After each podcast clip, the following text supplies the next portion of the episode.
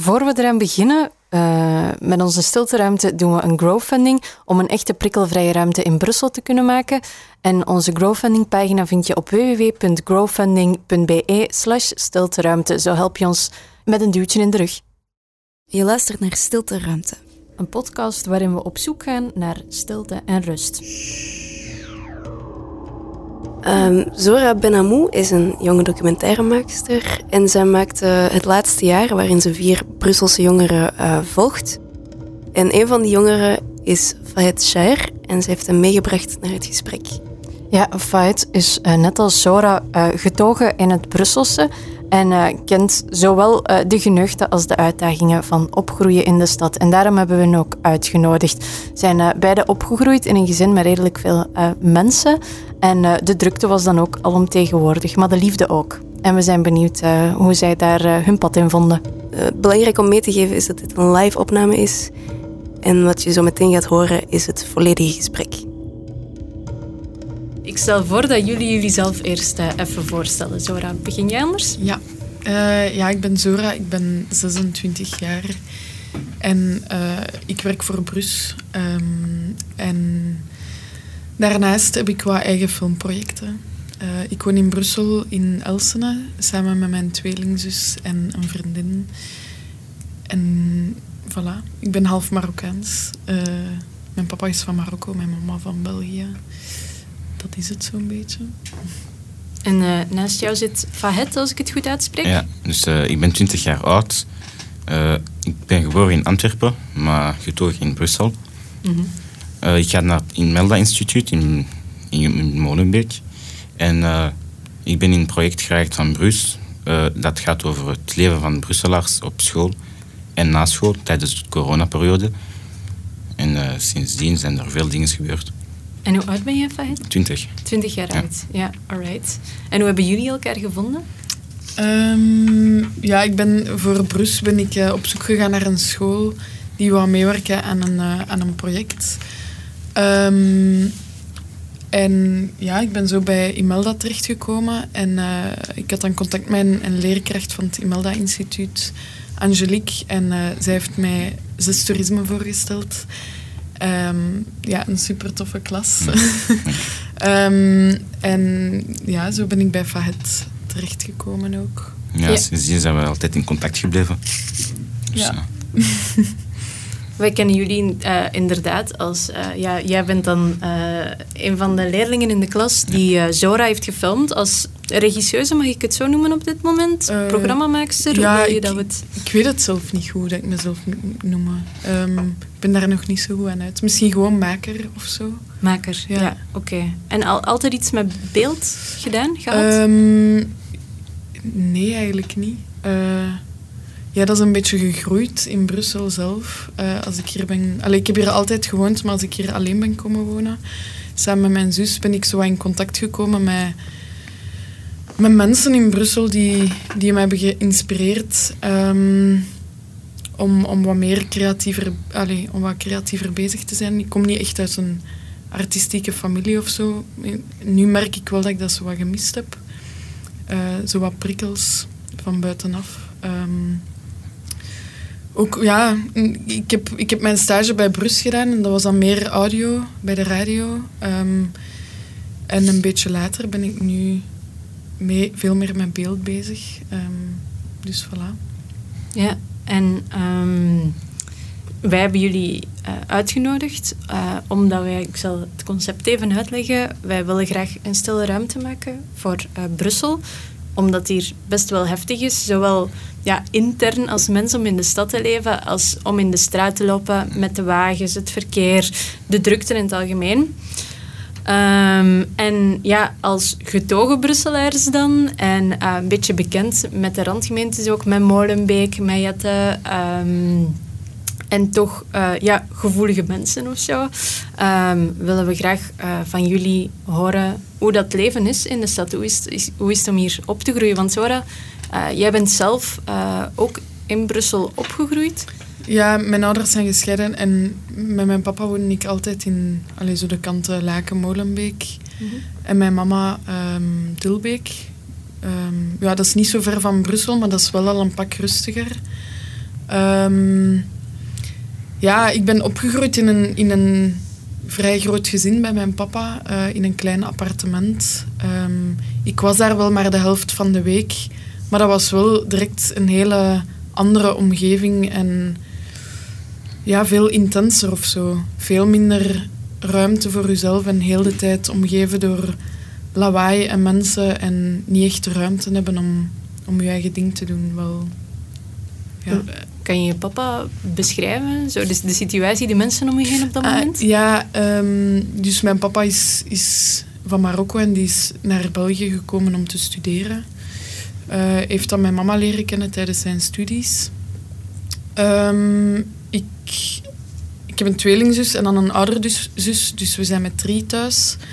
En dan zijn mijn ouders gescheiden en mijn papa is getrouwd met een Marokkaanse vrouw. En die hebben nog vier kinderen, dus we zijn dan in totaal met zeven. Um, en voilà, ja. Uh, dat is het een beetje. Dat is wel druk. Ja. En als je daar nu in gedachten terug zou zijn, hoe, zou, hoe klinkt het daar? Welke geluiden hoor je? Mm, ja, um, wij schelen wel wat jaren. Een, een, zes jaar, denk ik. Dus veel, veel kinderen, veel lawaai. Te, televisie die heel de tijd opstaat. Um, luid ook. Al Jazeera. Um, ja, het, het nieuws van, uh, van de, het Arabische nieuwsuitzending of zo. Uh, en ja, heen, veel kinderen die heen en weer lopen. Um, kleine ruimtes. Um, geen tuin. Dus zo ja, heel benauwd. Um, Arabisch, Frans, Nederlands gemixt, gemengd. Ja. Geluid van afwas en van, van, van schoonmaken, ja. En was dat iets waar, waar je mee bezig was op dat moment? Was je daarvan bewust? Um, ja, we waren met we waren wel altijd op zoek naar zo wat dingen om te doen. En, en dat bleef dan beperkt bij uh, tekenen, um, boeken lezen. Ik nu niet echt, maar mijn zussen wel. Um, die lazen ook... in, in, de, in de zomervakantie was dat dan Harry Potter boeken dat die lazen. En die konden dat echt tot een kot in de nacht lezen. Um, wat was ik bezig? Dat is zo wat een waas voor mij eigenlijk. Um, ik kan me dat niet meer super goed herinneren. Maar ja, wij waren ook veel met schoolwerk bezig, omdat dat zo wat het enige was dat wij, dat wij echt konden doen ergens. Um, een bezigheid. Omdat ons papa ons niet echt blootstelde aan, aan, aan de prikkels van de stad. Ik denk en mijn stiefmama misschien ook wel. Ehm, dat was eerder... Uh, die, had zo, die was wat angstig zo voor mhm. Brussel. Dus die, wij kwamen niet verder dan de Nederlandstalige bibliotheek in Laken en, en de plaatselijke bakker uh, om de hoek. Dus dat was zo wat traject dat wij aflegden. Um, en om te ontsnappen zo aan, aan die benauwde ruimtes, dan gingen wij naar de bibliotheek van Laken en dan zaten we daar op de computer en dan leenden we spelletjes uit en dan lezen we daar wat boekjes. Um, maar voor de rest, ja, zo... Nu hoort je dat heel veel jeugdwerkingen in Brussel en, en, en jongeren die daar naartoe gaan, na schoolse opvang, um, na schoolse activiteiten. Um, mijn halfzussen en mijn halfbroer, die zijn daar wel echt in, in thuis nu of zo, of, of die hebben dat leren kennen. Um, sport is ook is voor hen nu ook, uh, of die zijn daaraan blootgesteld nu, maar toen was dat precies, was dat, dat mocht niet of zo, ik weet het niet. Ik, uh, dat, ja, dat wordt niet gedaan bij ons. Her... Uh, misschien uit een onwetendheid ook wel. Ja. Her herken je daar iets van, Of is het bij jullie helemaal anders? ik denk in mijn periode, want ik ben een beetje jonger, bij Mm, ik was meer buiten op straat. Ik ben ook een jongen, dus ik zal wat minder uh, thuis zitten. Uh, ik ben wel vanaf een jonge leeftijd een beetje naar buiten. Maar het was altijd wel voor de deur dat mijn moeder ziet wat ik doe en zo. Dan gingen we elke avond en uh, overdag met mijn buurjongen uh, voor de huisvoetballen en zo. Uh, we waren aan het lachen, aan het praten. Soms pakten we onze stoel de avond eens dat we een beetje ouder werden. En dat zijn personen die dan nu al 25 zijn of zo. Dus die waren al veel ouder dan mij. En is ook dat, zo, dat ik Frans begon te spreken en zo. Pakten we een stoel, thee, eten. We zijn voor de deur in de zomer. Spelen voetbal. We, we pakten soms van die grillage. We zetten die in de midden van de straat. We begonnen te volleyballen en zo. Dus fijn, onze jeugd was wel leuk. Ik ben nog altijd in mijn jeugd, maar het was wel een leuke periode. Uh, eens dat ik een beetje ouder werd, rond 14, 15 jaar, begon ik uh, meer op mijn één met de, naar, buiten te gaan dan met jongens van mijn leeftijd. En dat was dan niet meer voor thuis, maar wel nog altijd in de buurt. En begon ik ook heel België een beetje te zien. We pakten de bus of de trein. Soms betaalden we de trein niet, gingen we naar Oostende of zo. En je hebt zo altijd een beetje van die actie tijdens het reizen, ook al is het maar één dag. En dat zijn zo kleine dingen die je echt zo jeugd goed maken. En uh, voilà, ik was wel vaak buiten aan, rondhangen, zullen we zeggen. Veel sport ook, toen ik wat jonger was. Deed ik uh, elke week misschien vijf sporten of zo. Bijna geen rust. Ging elke zaterdag ook gaan zwemmen. Uh, ik heb gebasketbald, ik deed box, ik heb uh, taekwondo gedaan, kempo, zelfs paardrijden. Maar dat was echt mijn jongere jaren. Uh, eens dat ik problemen kreeg aan mijn rug en aan mijn nek, ben ik dan gestopt. En dan, ja, voilà, zijn we een beetje meer naar de kattenkwaad omge, enfin, omgesprongen. Dus voilà. Ja. Zora, is dat iets waar jij dan denkt, oh, had ik dat maar gehad? Dat was het maar zo geweest? Of? Ja, ik heb nu één kant van het verhaal verteld, maar ik, ik had ook wel mijn vrijheid bij mijn mama in Dilbeek. En daar heb ik... Uh, ik heb ook lang getrund. Um, vier keer per week was dat. Um, en ja, ik ging ook wel weg hoor. Uh, zeker die vier dagen dat ik dan bij mijn mama was, dan, dan had ik die vrijheid. En dan, dan, dan ging ik naar buiten en was ik met vrienden weg. Um, de Giro ook op zondag. Um, ja, ik heb, ik heb echt wel... Ik ben wel buiten geweest, maar dat, is gewoon, dat was die switch van het ene naar het andere dat heel duidelijk was of zo. Je hebt net gezegd dat jouw papa een, een beetje bang is van de stad. Um, ja, misschien eerder mijn stiefmama. Mijn papa was niet zo aanwezig. Um, die werkte en, en daar, daarbuiten. Ja, die vond dat heel belangrijk dat wij thuis waren, maar zelf was hij er nooit of niet vaak. Die vond dat gewoon belangrijk dat wij thuis aanwezig waren. Um, zo het, het, gevoel dat zijn dochters thuis zaten en mee deel uitmaakten van de familie was voor hem, en is dat nog steeds, super belangrijk.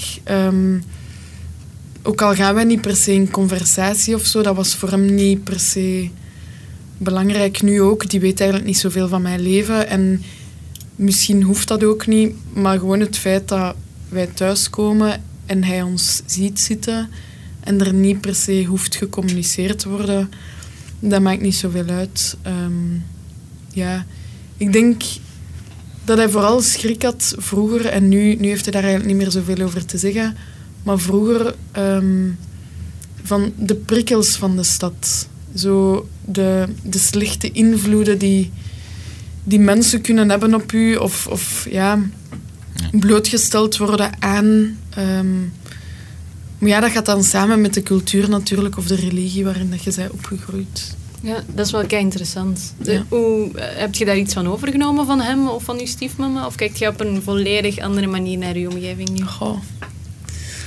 Ik vind dat een moeilijke vraag, want dat is voor mij nog een onderzoek eigenlijk. Um, ik zit nog heel hard in dat proces. Uh, ik, ik denk ook dat ik dat ergens genegeerd heb. En misschien nog altijd, omdat ik dat ergens beangstigend vind. Um, maar langs de andere kant, ja, blijf, blijf ik toch wel zo een connectie voelen met, met Marokko. En misschien met ja, sowieso met de cultuur en de islam, dat weet ik nu ook nog niet goed. Um, ja, mijn zussen neigen daar wel meer naartoe. Ehm, ja, ik weet het niet goed. Ik ben, daar, ik ben daar zelf ook een film over aan het maken. En dat is eigenlijk zo wat deel van een proces of zo. Of, of een soort van therapie. En dat helpt mij in die zoektocht naar... Wat is het nu eigenlijk? Ehm, ik ben ook deel van een tweeling. En dat, dat maakt het voor mij nog eens extra moeilijk. Omdat je groeit op met twee. En, en je wordt gezien als éénzelfde persoon. En ik ben nu 26, maar het wordt wel tijd dat ik me daar zo wat van loskoppel. Maar ik heb daar wel wat moeite mee om, om af te gaan op hetgeen wat ik echt wil en minder op wat mijn zus aan het doen is en wat dat zij wilt. En ergens geeft mij dat zot veel energie als ik voor mezelf kan bepalen waar ik zin in heb en, en, en wat mij interesseert en zo. Maar langs de andere kant is dat ook wel confronterend om te zien dat dat mijn twee zussen meer neigen naar de islam misschien wel ergens. En, of naar, naar die cultuur, omdat je je daar dan zo niet in voelt passen ergens. Maar je wilt er wel bij horen. En ja... Dus ze vinden het intrigerend van op een afstand, maar ze zitten er nog niet helemaal in in het geloof, of wel? Um, nee, mijn, mijn, oudste zus is getrouwd met... Dat is ook weer zo'n verhaal. Uh, is getrouwd met de broer van mijn stiefmama. Okay. dus dat is mijn, mijn schoonbroer, maar ook mijn stiefnonkel of zo. Um, en die zijn elkaar tegengekomen opnieuw in Marokko. Um, die is nu ondertussen ook in België. En Sana is, uh, ja, die heeft heel hard geleefd in de stad zo, de westerse kant. En die heeft zo wat fases dat hij dan wat meer neigt naar de islam en, en, en de kant van mijn papa. Um, en dat is nu heel hard terug aan het opkomen. Um, maar ja, je zou kunnen zeggen van wel. Ja. Maar er is niks dat jou aantrekt in de religie op dit moment, of je weet het gewoon niet zo? Ja, er is veel dat mij aantrekt in de religie. Ik vind het een, een mooie... Allee, veel waarden en normen daar, waar dat ik ontzettend dankbaar voor ben dat mijn papa die mij heeft meegegeven en, en dat ik daarmee ben opgegroeid. Dus ik ben daar super dankbaar voor. Um, of ik geloof in een God, um, dat weet ik ook niet goed. Um, misschien wel. Maar dan vraag ik mij af, is dat omdat dat mij aangepraat is en dat zo... Ja, dat iemand u dat oplegt en dat er een soort van angst is door al de verhalen dat je daar dan rond hoort. Um, uiteindelijk moet je daar zelf onderzoek naar doen en zelf beginnen lezen om te weten wat dat, dat voor u precies wil zeggen. Fahad, geloof jij? Ja, ik geloof in God. Ik ben moslim. Ik ben zo geboren. Maar ook uh, met meer zoeken en zo, zoals Zoha juist zei, dan vind je antwoorden en zo. Dat kan voor iedereen verschillen, bijvoorbeeld. Er zijn uh, moslims die uh, uit islam stappen, zoals dat er katholieken zijn die naar het islam gaan gewoon door het zoeken, door het lezen, door met mensen te praten. En het is eigenlijk gewoon een kwestie van eigen manier van denken en geloven. Dus uh, ik geloof in God. Ik geloof dat er een hel en een hemel is. Ik geloof in alles wat er in de islam is. Maar dat is uh, niet alleen omdat ik als moslim ben geboren, maar ook meer door dieper te gaan zoeken. Dus ja.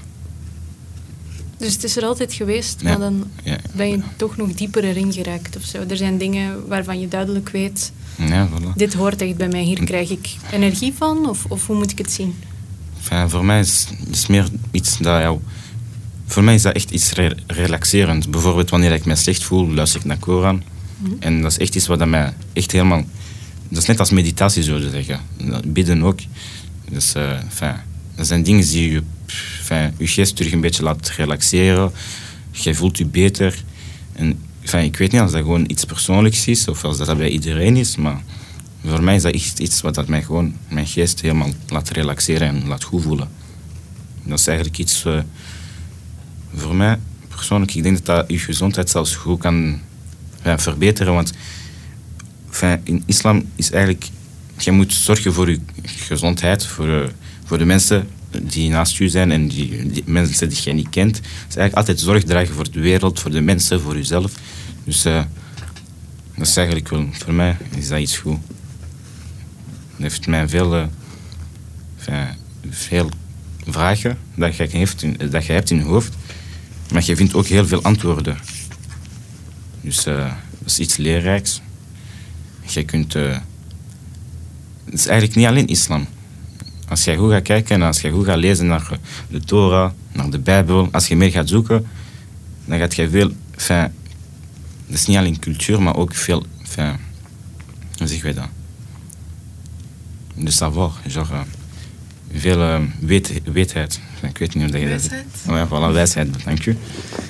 En uh, het is altijd goed om dingen op te zoeken over uh, eender welke thema, eender welke religie. Het is altijd goed om te zoeken. En als je goed gaat kijken, zijn er heel veel gelijkenissen met de islam als met de katholieke uh, godsdienst als met de jodendom. Dus voor mij godsdienst in, in, in, het algemeen is belangrijk. Dus ja. Um, waar vinden jullie rust? Waarin? Als een plaats? Of? Als een plaats, ja. Of is het echt iets mentaal dat je vindt door te bidden of door te mediteren of door te lezen? Voor mij is het uh, een beetje van alle twee. Genre. Want ik ben een persoon die graag naar het park gaat, naar mooie natuurplekken. En dat is waar ik het meeste rust heb. Ook al hou ik echt van de stad. Genre, ik, om te wonen heb ik liever, bijvoorbeeld, want ik woon ook in internat, sinds kort. En dat is echt helemaal iets anders met Brussel. Voor mij is Brussel een unieke stad, een levendige stad. En dat is echt iets goed als je jong bent. Maar voor mij ook als ik ouder word, wil ik iets levendigs. Want ik heb nu al een jaar dat ik internat ben. En dat is, je hebt niks. Je hoort uh, schapen, je hoort koeien. Dat is leuk één keer, twee keer, maar zo op een, op een duur word je dat beu. Dus ik hou van natuur op korte termijn. Niet op lange termijn heb ik drukte nodig. Ja. Um, ik heb daar al over zitten nadenken. Maar ik denk... Um, ik denk niet dat er zo één plek is in Brussel dat ik denk van hier vind ik rust. Um, ik kan wel op een zaterdag of zondagochtend, als ik dan op mijn fiets kruip bijvoorbeeld, en ik fiets door de stad en er is amper volk op straat, dat is zo een moment waar dat ik zo hard van geniet. Ja. Um, maar ook wel s'avonds laat, ook op mijn fiets, zo een plek waar dat normaal super druk is en je fietst daar dan door in het donker. En ja, je ziet dan zo alle lichten in, in de stad. Dan, ja, ik vind dat een, een magisch gevoel. Ja, dat is een unieke sfeer. Ja. Dat je niet, bijvoorbeeld in Dilboek ook hebt, je dat niet. Je gaat daar in de avond en is het echt donker, het is pikzwart. Je, je, je ziet niks als je geen eigen lamp mee hebt, bijvoorbeeld. Dus ja, en de lichten in de stad bijvoorbeeld, dat is iets redelijk uniek. Je hebt alleen in grote steden waar je echt zo'n mooie lichten hebt. Veel decoratie. Uh, soms zijn er nog een paar enfin, winkels, meer eten. Dus wafels of zo, dat open zijn in de avond. Kun je een wafeltje nemen, wandelen en het is kei rustig. En dat, dat is eigenlijk een... In de dag heb je een hele grote drukte. En ineens in de avond is dat helemaal anders. En die, die verandering, die plotse verandering, dat is iets dat je niet overal hebt en dat is echt iets goed. Dat is een leuke sfeer, dat is een leuke. Ik weet niet hoe dat we zeggen. Iets, enfin, iets leuk om mee te maken. Dat, dat gaat je niet hebben bijvoorbeeld in, uh, in dorpjes. Dat is altijd rustig. Bijvoorbeeld bij mij in. Het enige moment dat het druk is, is fijn wanneer het mensen terugkomen van het huis. En het is druk alleen op de, uh, op de weg van de auto. Al de rest is kijk kalm. Je hoort niks, je ziet niks. Dat is geen leven vind ik. Nee? Ook Niet, je voelt ook niet dat je lichaam daar aangenaam op reageert of zo? Het enige wat ik goed vind daar is bijvoorbeeld wanneer dat jij wandelt en dat er mooie zonsondergang is bijvoorbeeld en dan ziet je die weiden en al, dat is leuk. Maar voor de rest vind ik dat echt niks leuk. Echt. Oké. Ehm, hoeveel... Er zit zes jaar verschil tussen jullie? Ja. Dat wil zeggen dat ehm, jij een groter deel van je leven hebt gespendeerd met gsm's, sociale media, uh, al die dingen, dan Zora, denk ik? Of gelijken jullie daarin wel op elkaar? Mm, nee, ja, ik denk wel dat ik minder gsm heb gekend. Zo minder uh, sociale media en zo. Um, ja. Maar ik denk toch dat ik bijvoorbeeld, voor iemand van mijn periode, ben ik niet iemand die echt zo de hele tijd op mijn gsm is. Bijvoorbeeld, mijn eerste gsm had ik redelijk laat. Mijn sociale media ben ik pas begonnen vanaf het middelbaar. En zelfs zo ben ik bijna nooit op uh, Instagram, Facebook heb ik al vijf jaar niet meer aangeraakt. Ik heb echt, genre, alleen Snapchat gewoon om te spreken met mijn vrienden. Man, dus ik zet nooit een story of zo. Dus, ik ben niet echt iemand die op mijn gsm is. Ik ben bijna heel de dag buiten. En ik vind dat veel beter dan heel de dag op je gsm te zitten. Voor mij persoonlijk. Maar dan is het wel waar dat mensen van onze generatie bijna heel de dag achter de schermen zitten. Ik heb het gevoel dat jij iemand bent die heel goed met zichzelf om kan of zo. Die heel goed weet wat hij wil en heel goed kan reageren op zijn eigen uh, goesting en gezondheid. Zo. Hangt ervan af. Enfin, dat is misschien wat ik uitstoot, maar soms heb ik ook van die momenten dat ik veel vragen stel en dat ik niet weet wat ik wil. Maar dat is niet op zo'n lange periode altijd, maar er zijn altijd momenten dat je vragen stelt. Maar anders denk ik wel, ja, ik ben meer iemand die weet wat ik wil en zo. En als ik iets wil, ben, dan ga ik ervoor vechten. Dat zeker. Um, kan je uitleggen waarom jij het programma hebt gemaakt dat je nu hebt gemaakt met, met Fred en zo? Um, er zijn zo'n paar thema's die terugkomen in de reeks. Um, die dat ik ergens belangrijk vind om daarover na te denken. Uh, thema's zoals familie, religie, um, gezondheid enzovoort. Um, en ik was eigenlijk een beetje benieuwd naar de jongeren van nu, die op welke manier staan die in het leven? Um, hoe gaan die om met bepaalde dingen? Um, en ik was zo wat op zoek naar. Um, ik heb dat denk ik in, in toerisme echt wel gevonden. Daar waren zoveel leerlingen die, die dat op een andere manier dachten. Ook al delen die misschien wel hetzelfde geloof. Um, iedereen staat wel op een andere manier in het leven. En wat ik met die reeks eigenlijk wou bereiken was om een soort van eenheid te creëren. Um, ook al denkt iedereen anders, toch kan iedereen wel mooi samenleven of zo ergens. En, en dat was zo'n beetje het, het idee erachter. Um, en voor mij ergens ook wel een, een referentie voor, voor de wereld waarin dat we leven of zo. Dat het allemaal wel oké is om anders te denken en anders in het leven te staan. Um, en dat dat perfect kan of zo. Dat, het gaat er gewoon om dat iedereen op zijn manier uniek is en kan zijn. En ja, dat je dat ergens aanvaardt van de ander of zo. En specifieke antwoorden gevonden die gaan bijblijven? Um, ja, ik denk oh, antwoorden. Ik heb zoveel vragen gesteld. um, maar ja, zo, er zijn wel zo van die levenswijsheden of zo. Ik, ik ben eigenlijk enorm... Ik was verbaasd van hoe ver dat die jongeren eigenlijk al stonden in hun denken ergens. En um, ik vond dat zelf ook inspirerend om een antwoord te krijgen op, op bepaalde vragen. En soms als ik met mensen praat, dan kan ik zo opeens iets citeren of zo van die jongeren van dat dan toepasselijk is of zo voor dat gesprek. Zoiets dat ik wel heb meegenomen. Ik kan nu, ja, nu moet ik daar, ik kan dat niet zo op commando zeggen natuurlijk, maar er is, ja, het zijn allemaal super verstandige jongeren en ik heb het gevoel dat die al vrij ver staan in hun ontwikkeling. Um, ik was daar nog niet, denk ik. Ik was wat meer onbezonnen en maar zij, zij denken heel goed na over hun toekomst en, en wat dat ze willen. Um, ehm, 17 tot 20 jaar. Um, maar daar toch al zo hard mee bezig zijn. Ik denk ook wel dat dat komt omdat, omdat ze allemaal wel al wat hebben meegemaakt of zo. Of van ergens komen en, en ze bepaalde dingen ja, of geen fouten maken of zo ergens. Of ik weet het niet goed. Ja. Enfin, ik denk zelf dat enfin, de jongeren van vandaag een betere visie willen op hun toekomst dan bijvoorbeeld tien jaar geleden. Bijvoorbeeld. We leren meer, we zien meer, we lezen meer. Er is sociale media die erbij is gekomen, waardoor dat mensen meer gaan zoeken. En ik denk dat dat ook een van de redenen is waarom dat de jongeren van vandaag meer zekerheid voor hun eigen toekomst willen en ook een beetje...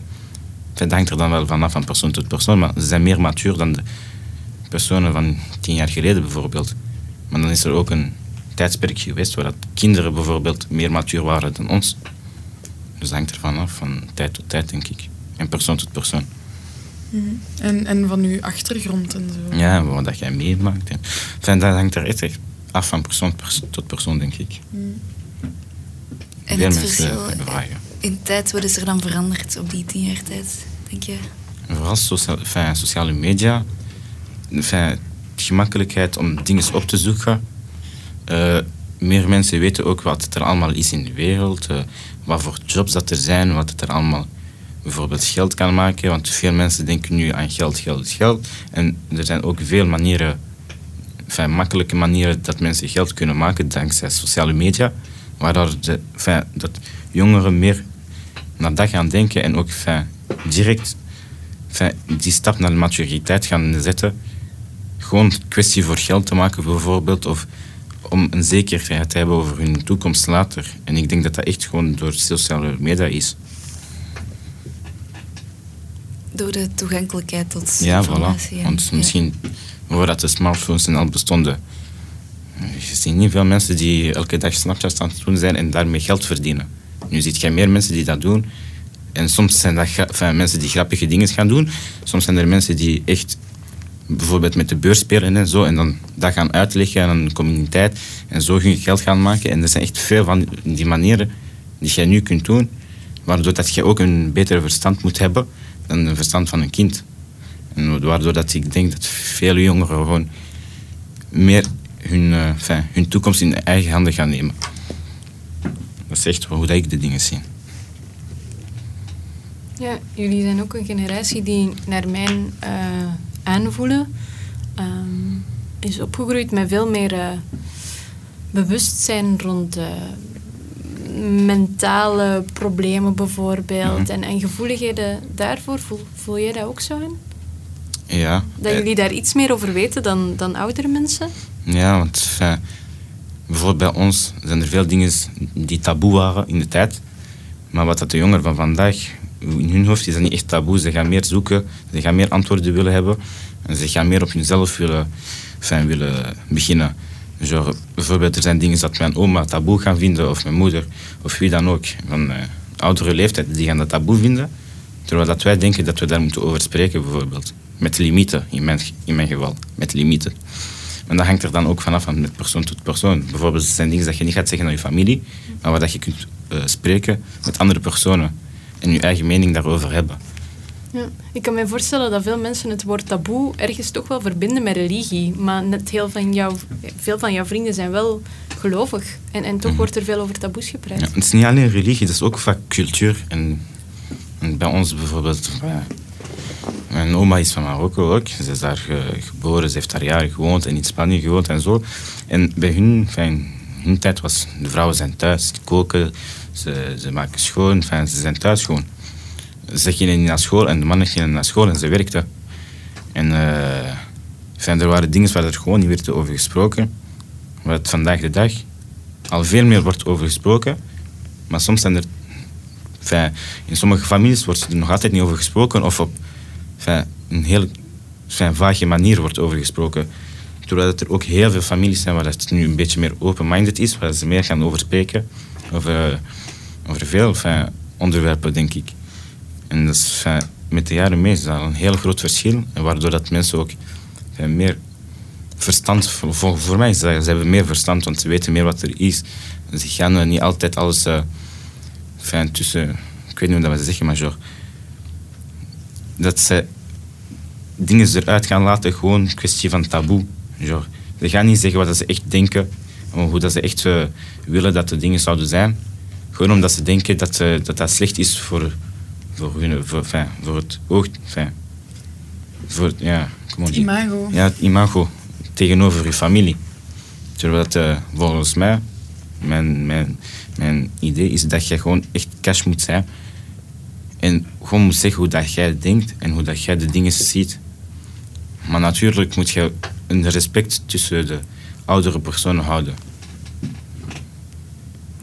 Zo had het daarnet over een paar belangrijke wijsheden die zijn gepasseerd. Kan jij er zo nog in bedenken? Hoezo wij zeggen dat? Ehm, ja, Zora zocht naar antwoorden. Mhm. Eh, zegt ze, of vragen op gezond, wat is gezond zijn misschien voor jullie? Of ehm, wat betekent geld verdienen? Ik weet het niet. Ehm, de belangrijke levensvragen, denk ik, of zo. Die stelt op zo'n drempelmoment als het laatste jaar, zoals het programma ook heet.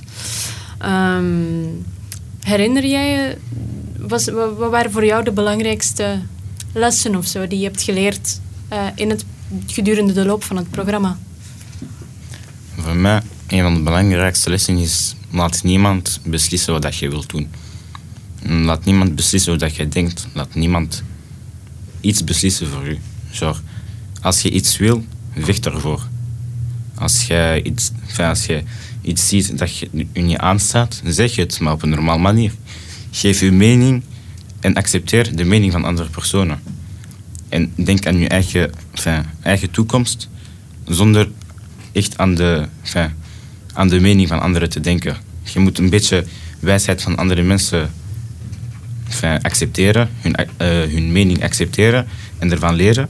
Maar toch moet je je eigen ideologie, je eigen eh, manier van denken in je hoofd houden en doen wat dat je wilt doen. Want anders gaat je niet gelukkig zijn, anders gaat je waarschijnlijk niet... Enfin, je objectief, gaat je niet kunnen halen als je altijd aan de mensen gaat denken. Soms moet je een beetje egoïstisch, tussen de haakjes egoïstisch zijn. Maar dat is, is dat echt gewoon voor je eigen toekomst. Dus dat is wat ik heb geleerd, denk ik. Vooral deze laatste maanden. Met, eh, met het laatste jaar en met gewoon het dagelijks leven. Ja, ik volg, ik volg Fahet daar helemaal in, ja. ja. Is dat iets wat je voor het programma eigenlijk ook al wist? Mm. Goh.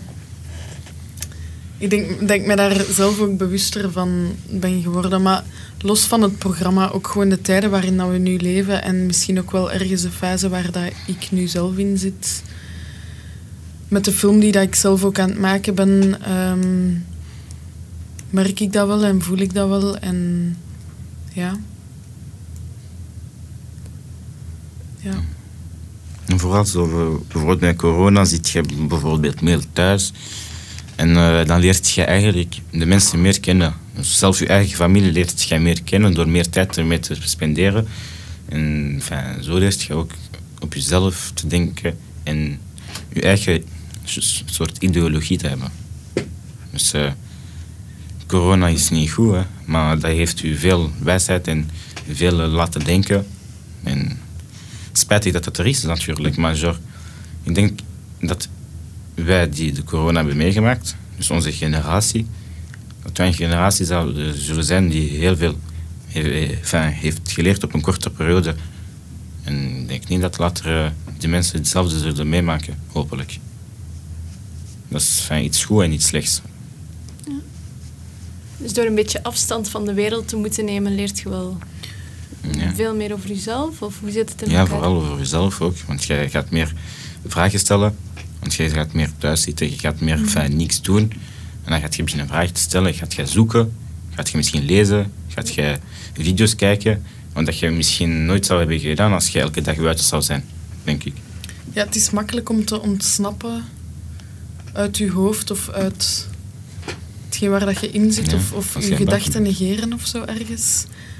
Als er geen corona is, want je kunt gewoon makkelijk. Ja, dus We gaan op café, we gaan naar de cinema, eh, je gaat iets Mhm. gaan eten, je spreekt af met vrienden, terwijl nu is er zoveel meer ruimte om, om na te denken en je kunt eigenlijk niet meer veel doen. Ja. Je kunt een boek lezen of een film kijken thuis of, of iets opschrijven of gaan wandelen. ehm, maar er is gewoon veel meer ruimte. En ja, ik woon met mijn zus en een vriendin en je zit zo hard op elkaar Ehm, waardoor dat je ook wel regelmatig botst op dingen en je leert omgaan, of hoe moet ik het zeggen? Ehm, je leert elkaar sowieso veel beter kennen.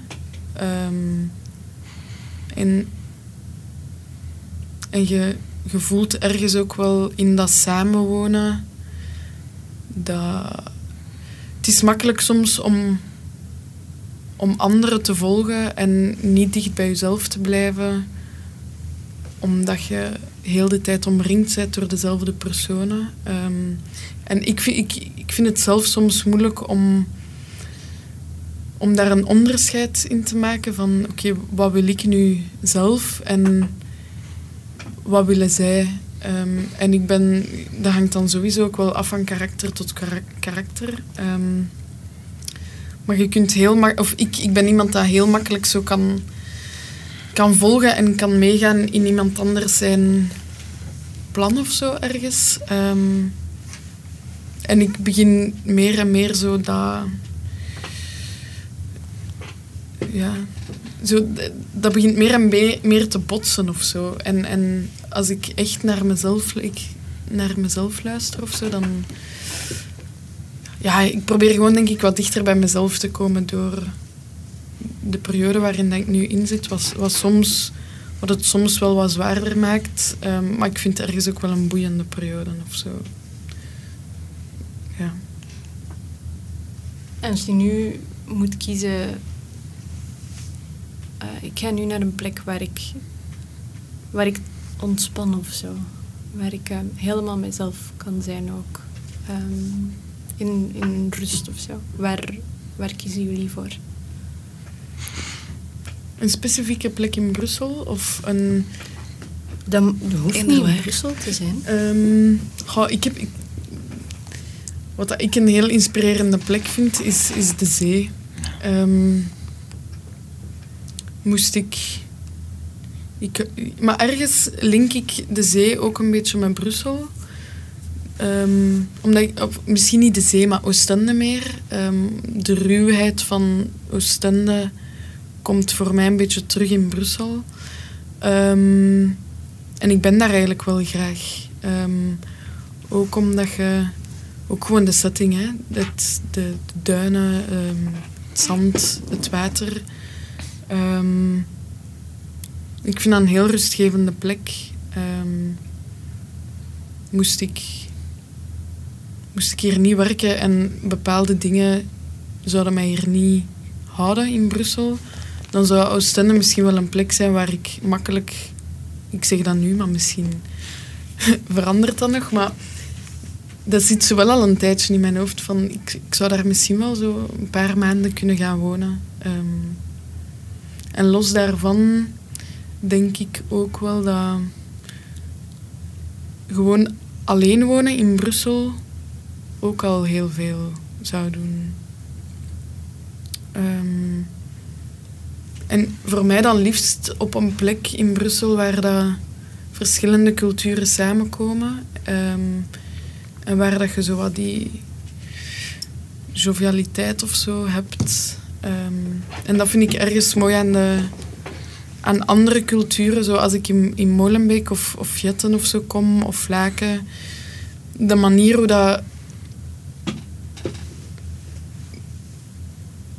een bepaalde groep in Brussel omgaat met elkaar, dat is zo hetgeen waar ik mij door wil laten omringen. En dat heb je wat minder in plekken zoals Sint-Gilles of Elsene voor mij. Ik vind zo die ja. Maar ik, ik zat hier daarnet op basketbalpleintje en ik was even aan het filmen om mijn lens te testen. En uh, ja, dat waren dan allemaal Vlaamse jongens. Maar die dynamiek tussen hen was ook heel mooi om te zien. Dus ja, maar ja. Maar ik bijvoorbeeld, ik kom van Jette. Enfin, ik heb grotendeels in Jette gewoond. Eh, maar aan de kant van Belgica, dus dat is eigenlijk bijna Molenbeek. Maar wat ik mooi vind aan Jette bijvoorbeeld, is dat je, enfin, je hebt rust, je hebt drukte en dan heb je die kant zoals bij ons, Molenbeek, wat een beetje te veel drukte kan zijn. Maar ik vind dat mooi dat je in zo'n kleine gemeente, dat is redelijk groot, maar toch in een kleine gemeente, zoveel verschillende plekken kunt vinden, wat jij in andere plekken op de buiten niet gaat vinden. Als jij nu een beetje rust wilt, kun je naar, bijvoorbeeld naar het Laarbeekbos gaan. Kun je daar stappen en dat is ik weet niet hoe groot. Je komt tot Ganshoven uit, je, komt, je kunt tot andere gemeenten stappen. Als jij een beetje drukte wilt, gaat jij bijvoorbeeld uh, aan Place Miroir of uh, aan Belgica. Of, er zijn veel plekken waar dat je drukte hebt en dat heb je gewoon in Brussel, denk ik. Dat dat het enige is waar dat je in elke gemeente drukte en kalmte kunt vinden. En dat heb je niet overal. Ik heb ook in Antwerpen gewoond. Een drukke stad, grote stad, maar dat is anders. Want het is echt groot. Dus die drukte zijn op bepaalde plekken, maar dan heb je heel veel kanten waar dat je ook gewoon kanten hebt. Terwijl dat Brussel een grote stad is, maar toch heel klein voor het aantal mensen die er zijn. Dus dat is echt iets uniek gewoon. Oké, zijn er dingen die jij ehm, nog niet gebracht hebt? Nee, nee, alles is wat ter sprake gekomen. Um, we, um, als, als jij bijvoorbeeld nog uh, een, je hebt nu heel veel plekken aangegeven. maar de, het concept is uh, dat we ook van iedereen die we interviewen een, de favoriete stilteplek opnemen, waar die tot rust komt. Wat zou jij kiezen? Ben je daar al uit? hoeft niet per se stil te zijn. Gewoon ergens waar het aangenaam vertoeven is of zo. De plekken waar ik het meest ga, omdat ik het leuk vind, is bijvoorbeeld Laarbeekbos. Maar ook aan, uh, aan Herman de Broe is er een grote park. Mhm. En daar ging ik een tijdje bijna elke keer, zo waar het oude gebouw is van AXA, dan heb je daar een grote vijver, maar je hebt daar niemand. Zo, die is een verlaten gebouw en je hebt het park er juist naast en dan heb je een grote vijver tussen die gebouwen in het park. En ik ging daar, ik weet niet hoe vaak, gewoon om een beetje te ademen en op mijn rust te komen. En, enfin, dat zijn van die plekken dat je, enfin, waar dat je echt gewoon op rust kunt komen en dan toch nog in Brussel blijven. En dat kun je niet overal, denk ik. Wat hoort je daar als je daar staat? Je, hoort niks. Zo, echt, er zijn mensen in het park juist aan de overkant, maar dat zijn weinig mensen en dat zijn kalme mensen. Uh, wat je hoort zijn bijvoorbeeld, je hebt daar schildpadden, in, de, in die meer. Ik was gechoqueerd toen ik dat heb gezien. Je ziet daar vissen, je ziet daar vogeltjes. Gewoon dieren, je, zo, je hoort de natuur. En soms is één auto of twee die ze passeren, maar dat is echt puur kalmte. En zonder echt uit de stad te gaan. En, uh, dat, vind, dat is wel voor mij een van de beste plekken hier in Brussel. Oké. Um, merci om langs te komen. Met plezier. Jullie, um, merci. Het was super interessant. Ja, ik vond het echt heel fijn. Ik zou echt nog uren vragen kunnen stellen over de dynamiek tussen jullie twee en wat er dan juist uit dat programma is gekomen. Maar mensen moeten ook gewoon kijken. Hè. Yes. Ja, sowieso. sowieso kijken. Um, Oké, okay. heel erg bedankt, Fahed en Zora, Graag voor gedaan. het gesprek en de wijsheid. Met plezier. Zoals gewoonlijk zijn we de stilteplek van een van beiden ook gaan opnemen. Ja, dus ik ben met de metro naar Herman de Broe gegaan. Uh, en daar, uh, als je boven komt, ziet je een afgebrand uh, een tankstation en viaducten, verkeer, trams en zo. Um, en dan is er een klein paadje dat je kunt volgen tussen de huizen. En daarachter is een weelderig park met een, een heel grote vijver. Um, en daar heb ik de, de, stilte opgenomen. En hoe klonk ze? Veel vogels. Um, soms zwam er ook iets voorbij, maar, maar dat is onhoorbaar natuurlijk. En um, op de achtergrond ook werken, verkeer, met zo'n soort van echt aangename achtergrondruis in de verte. Dat klinkt heerlijk, laten we eens luisteren.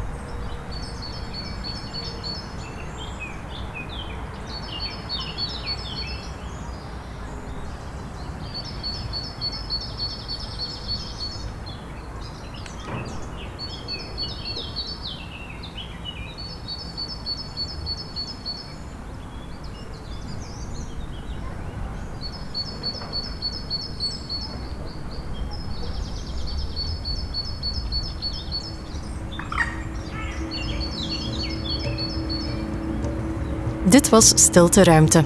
Vanuit Studio Sonar op het Rits deze keer. Bedankt aan Robbe Petitjean, zoals gewoonlijk voor regie en montage. Jan Bulkaan. En ook Brus en natuurlijk Zora en Fahet. Wij zijn Lilith en Anna van Stilte Ruimte VZ2. En geef ons dus een duwtje in de rug via growfunding.be slash stilteruimte. Tot de volgende!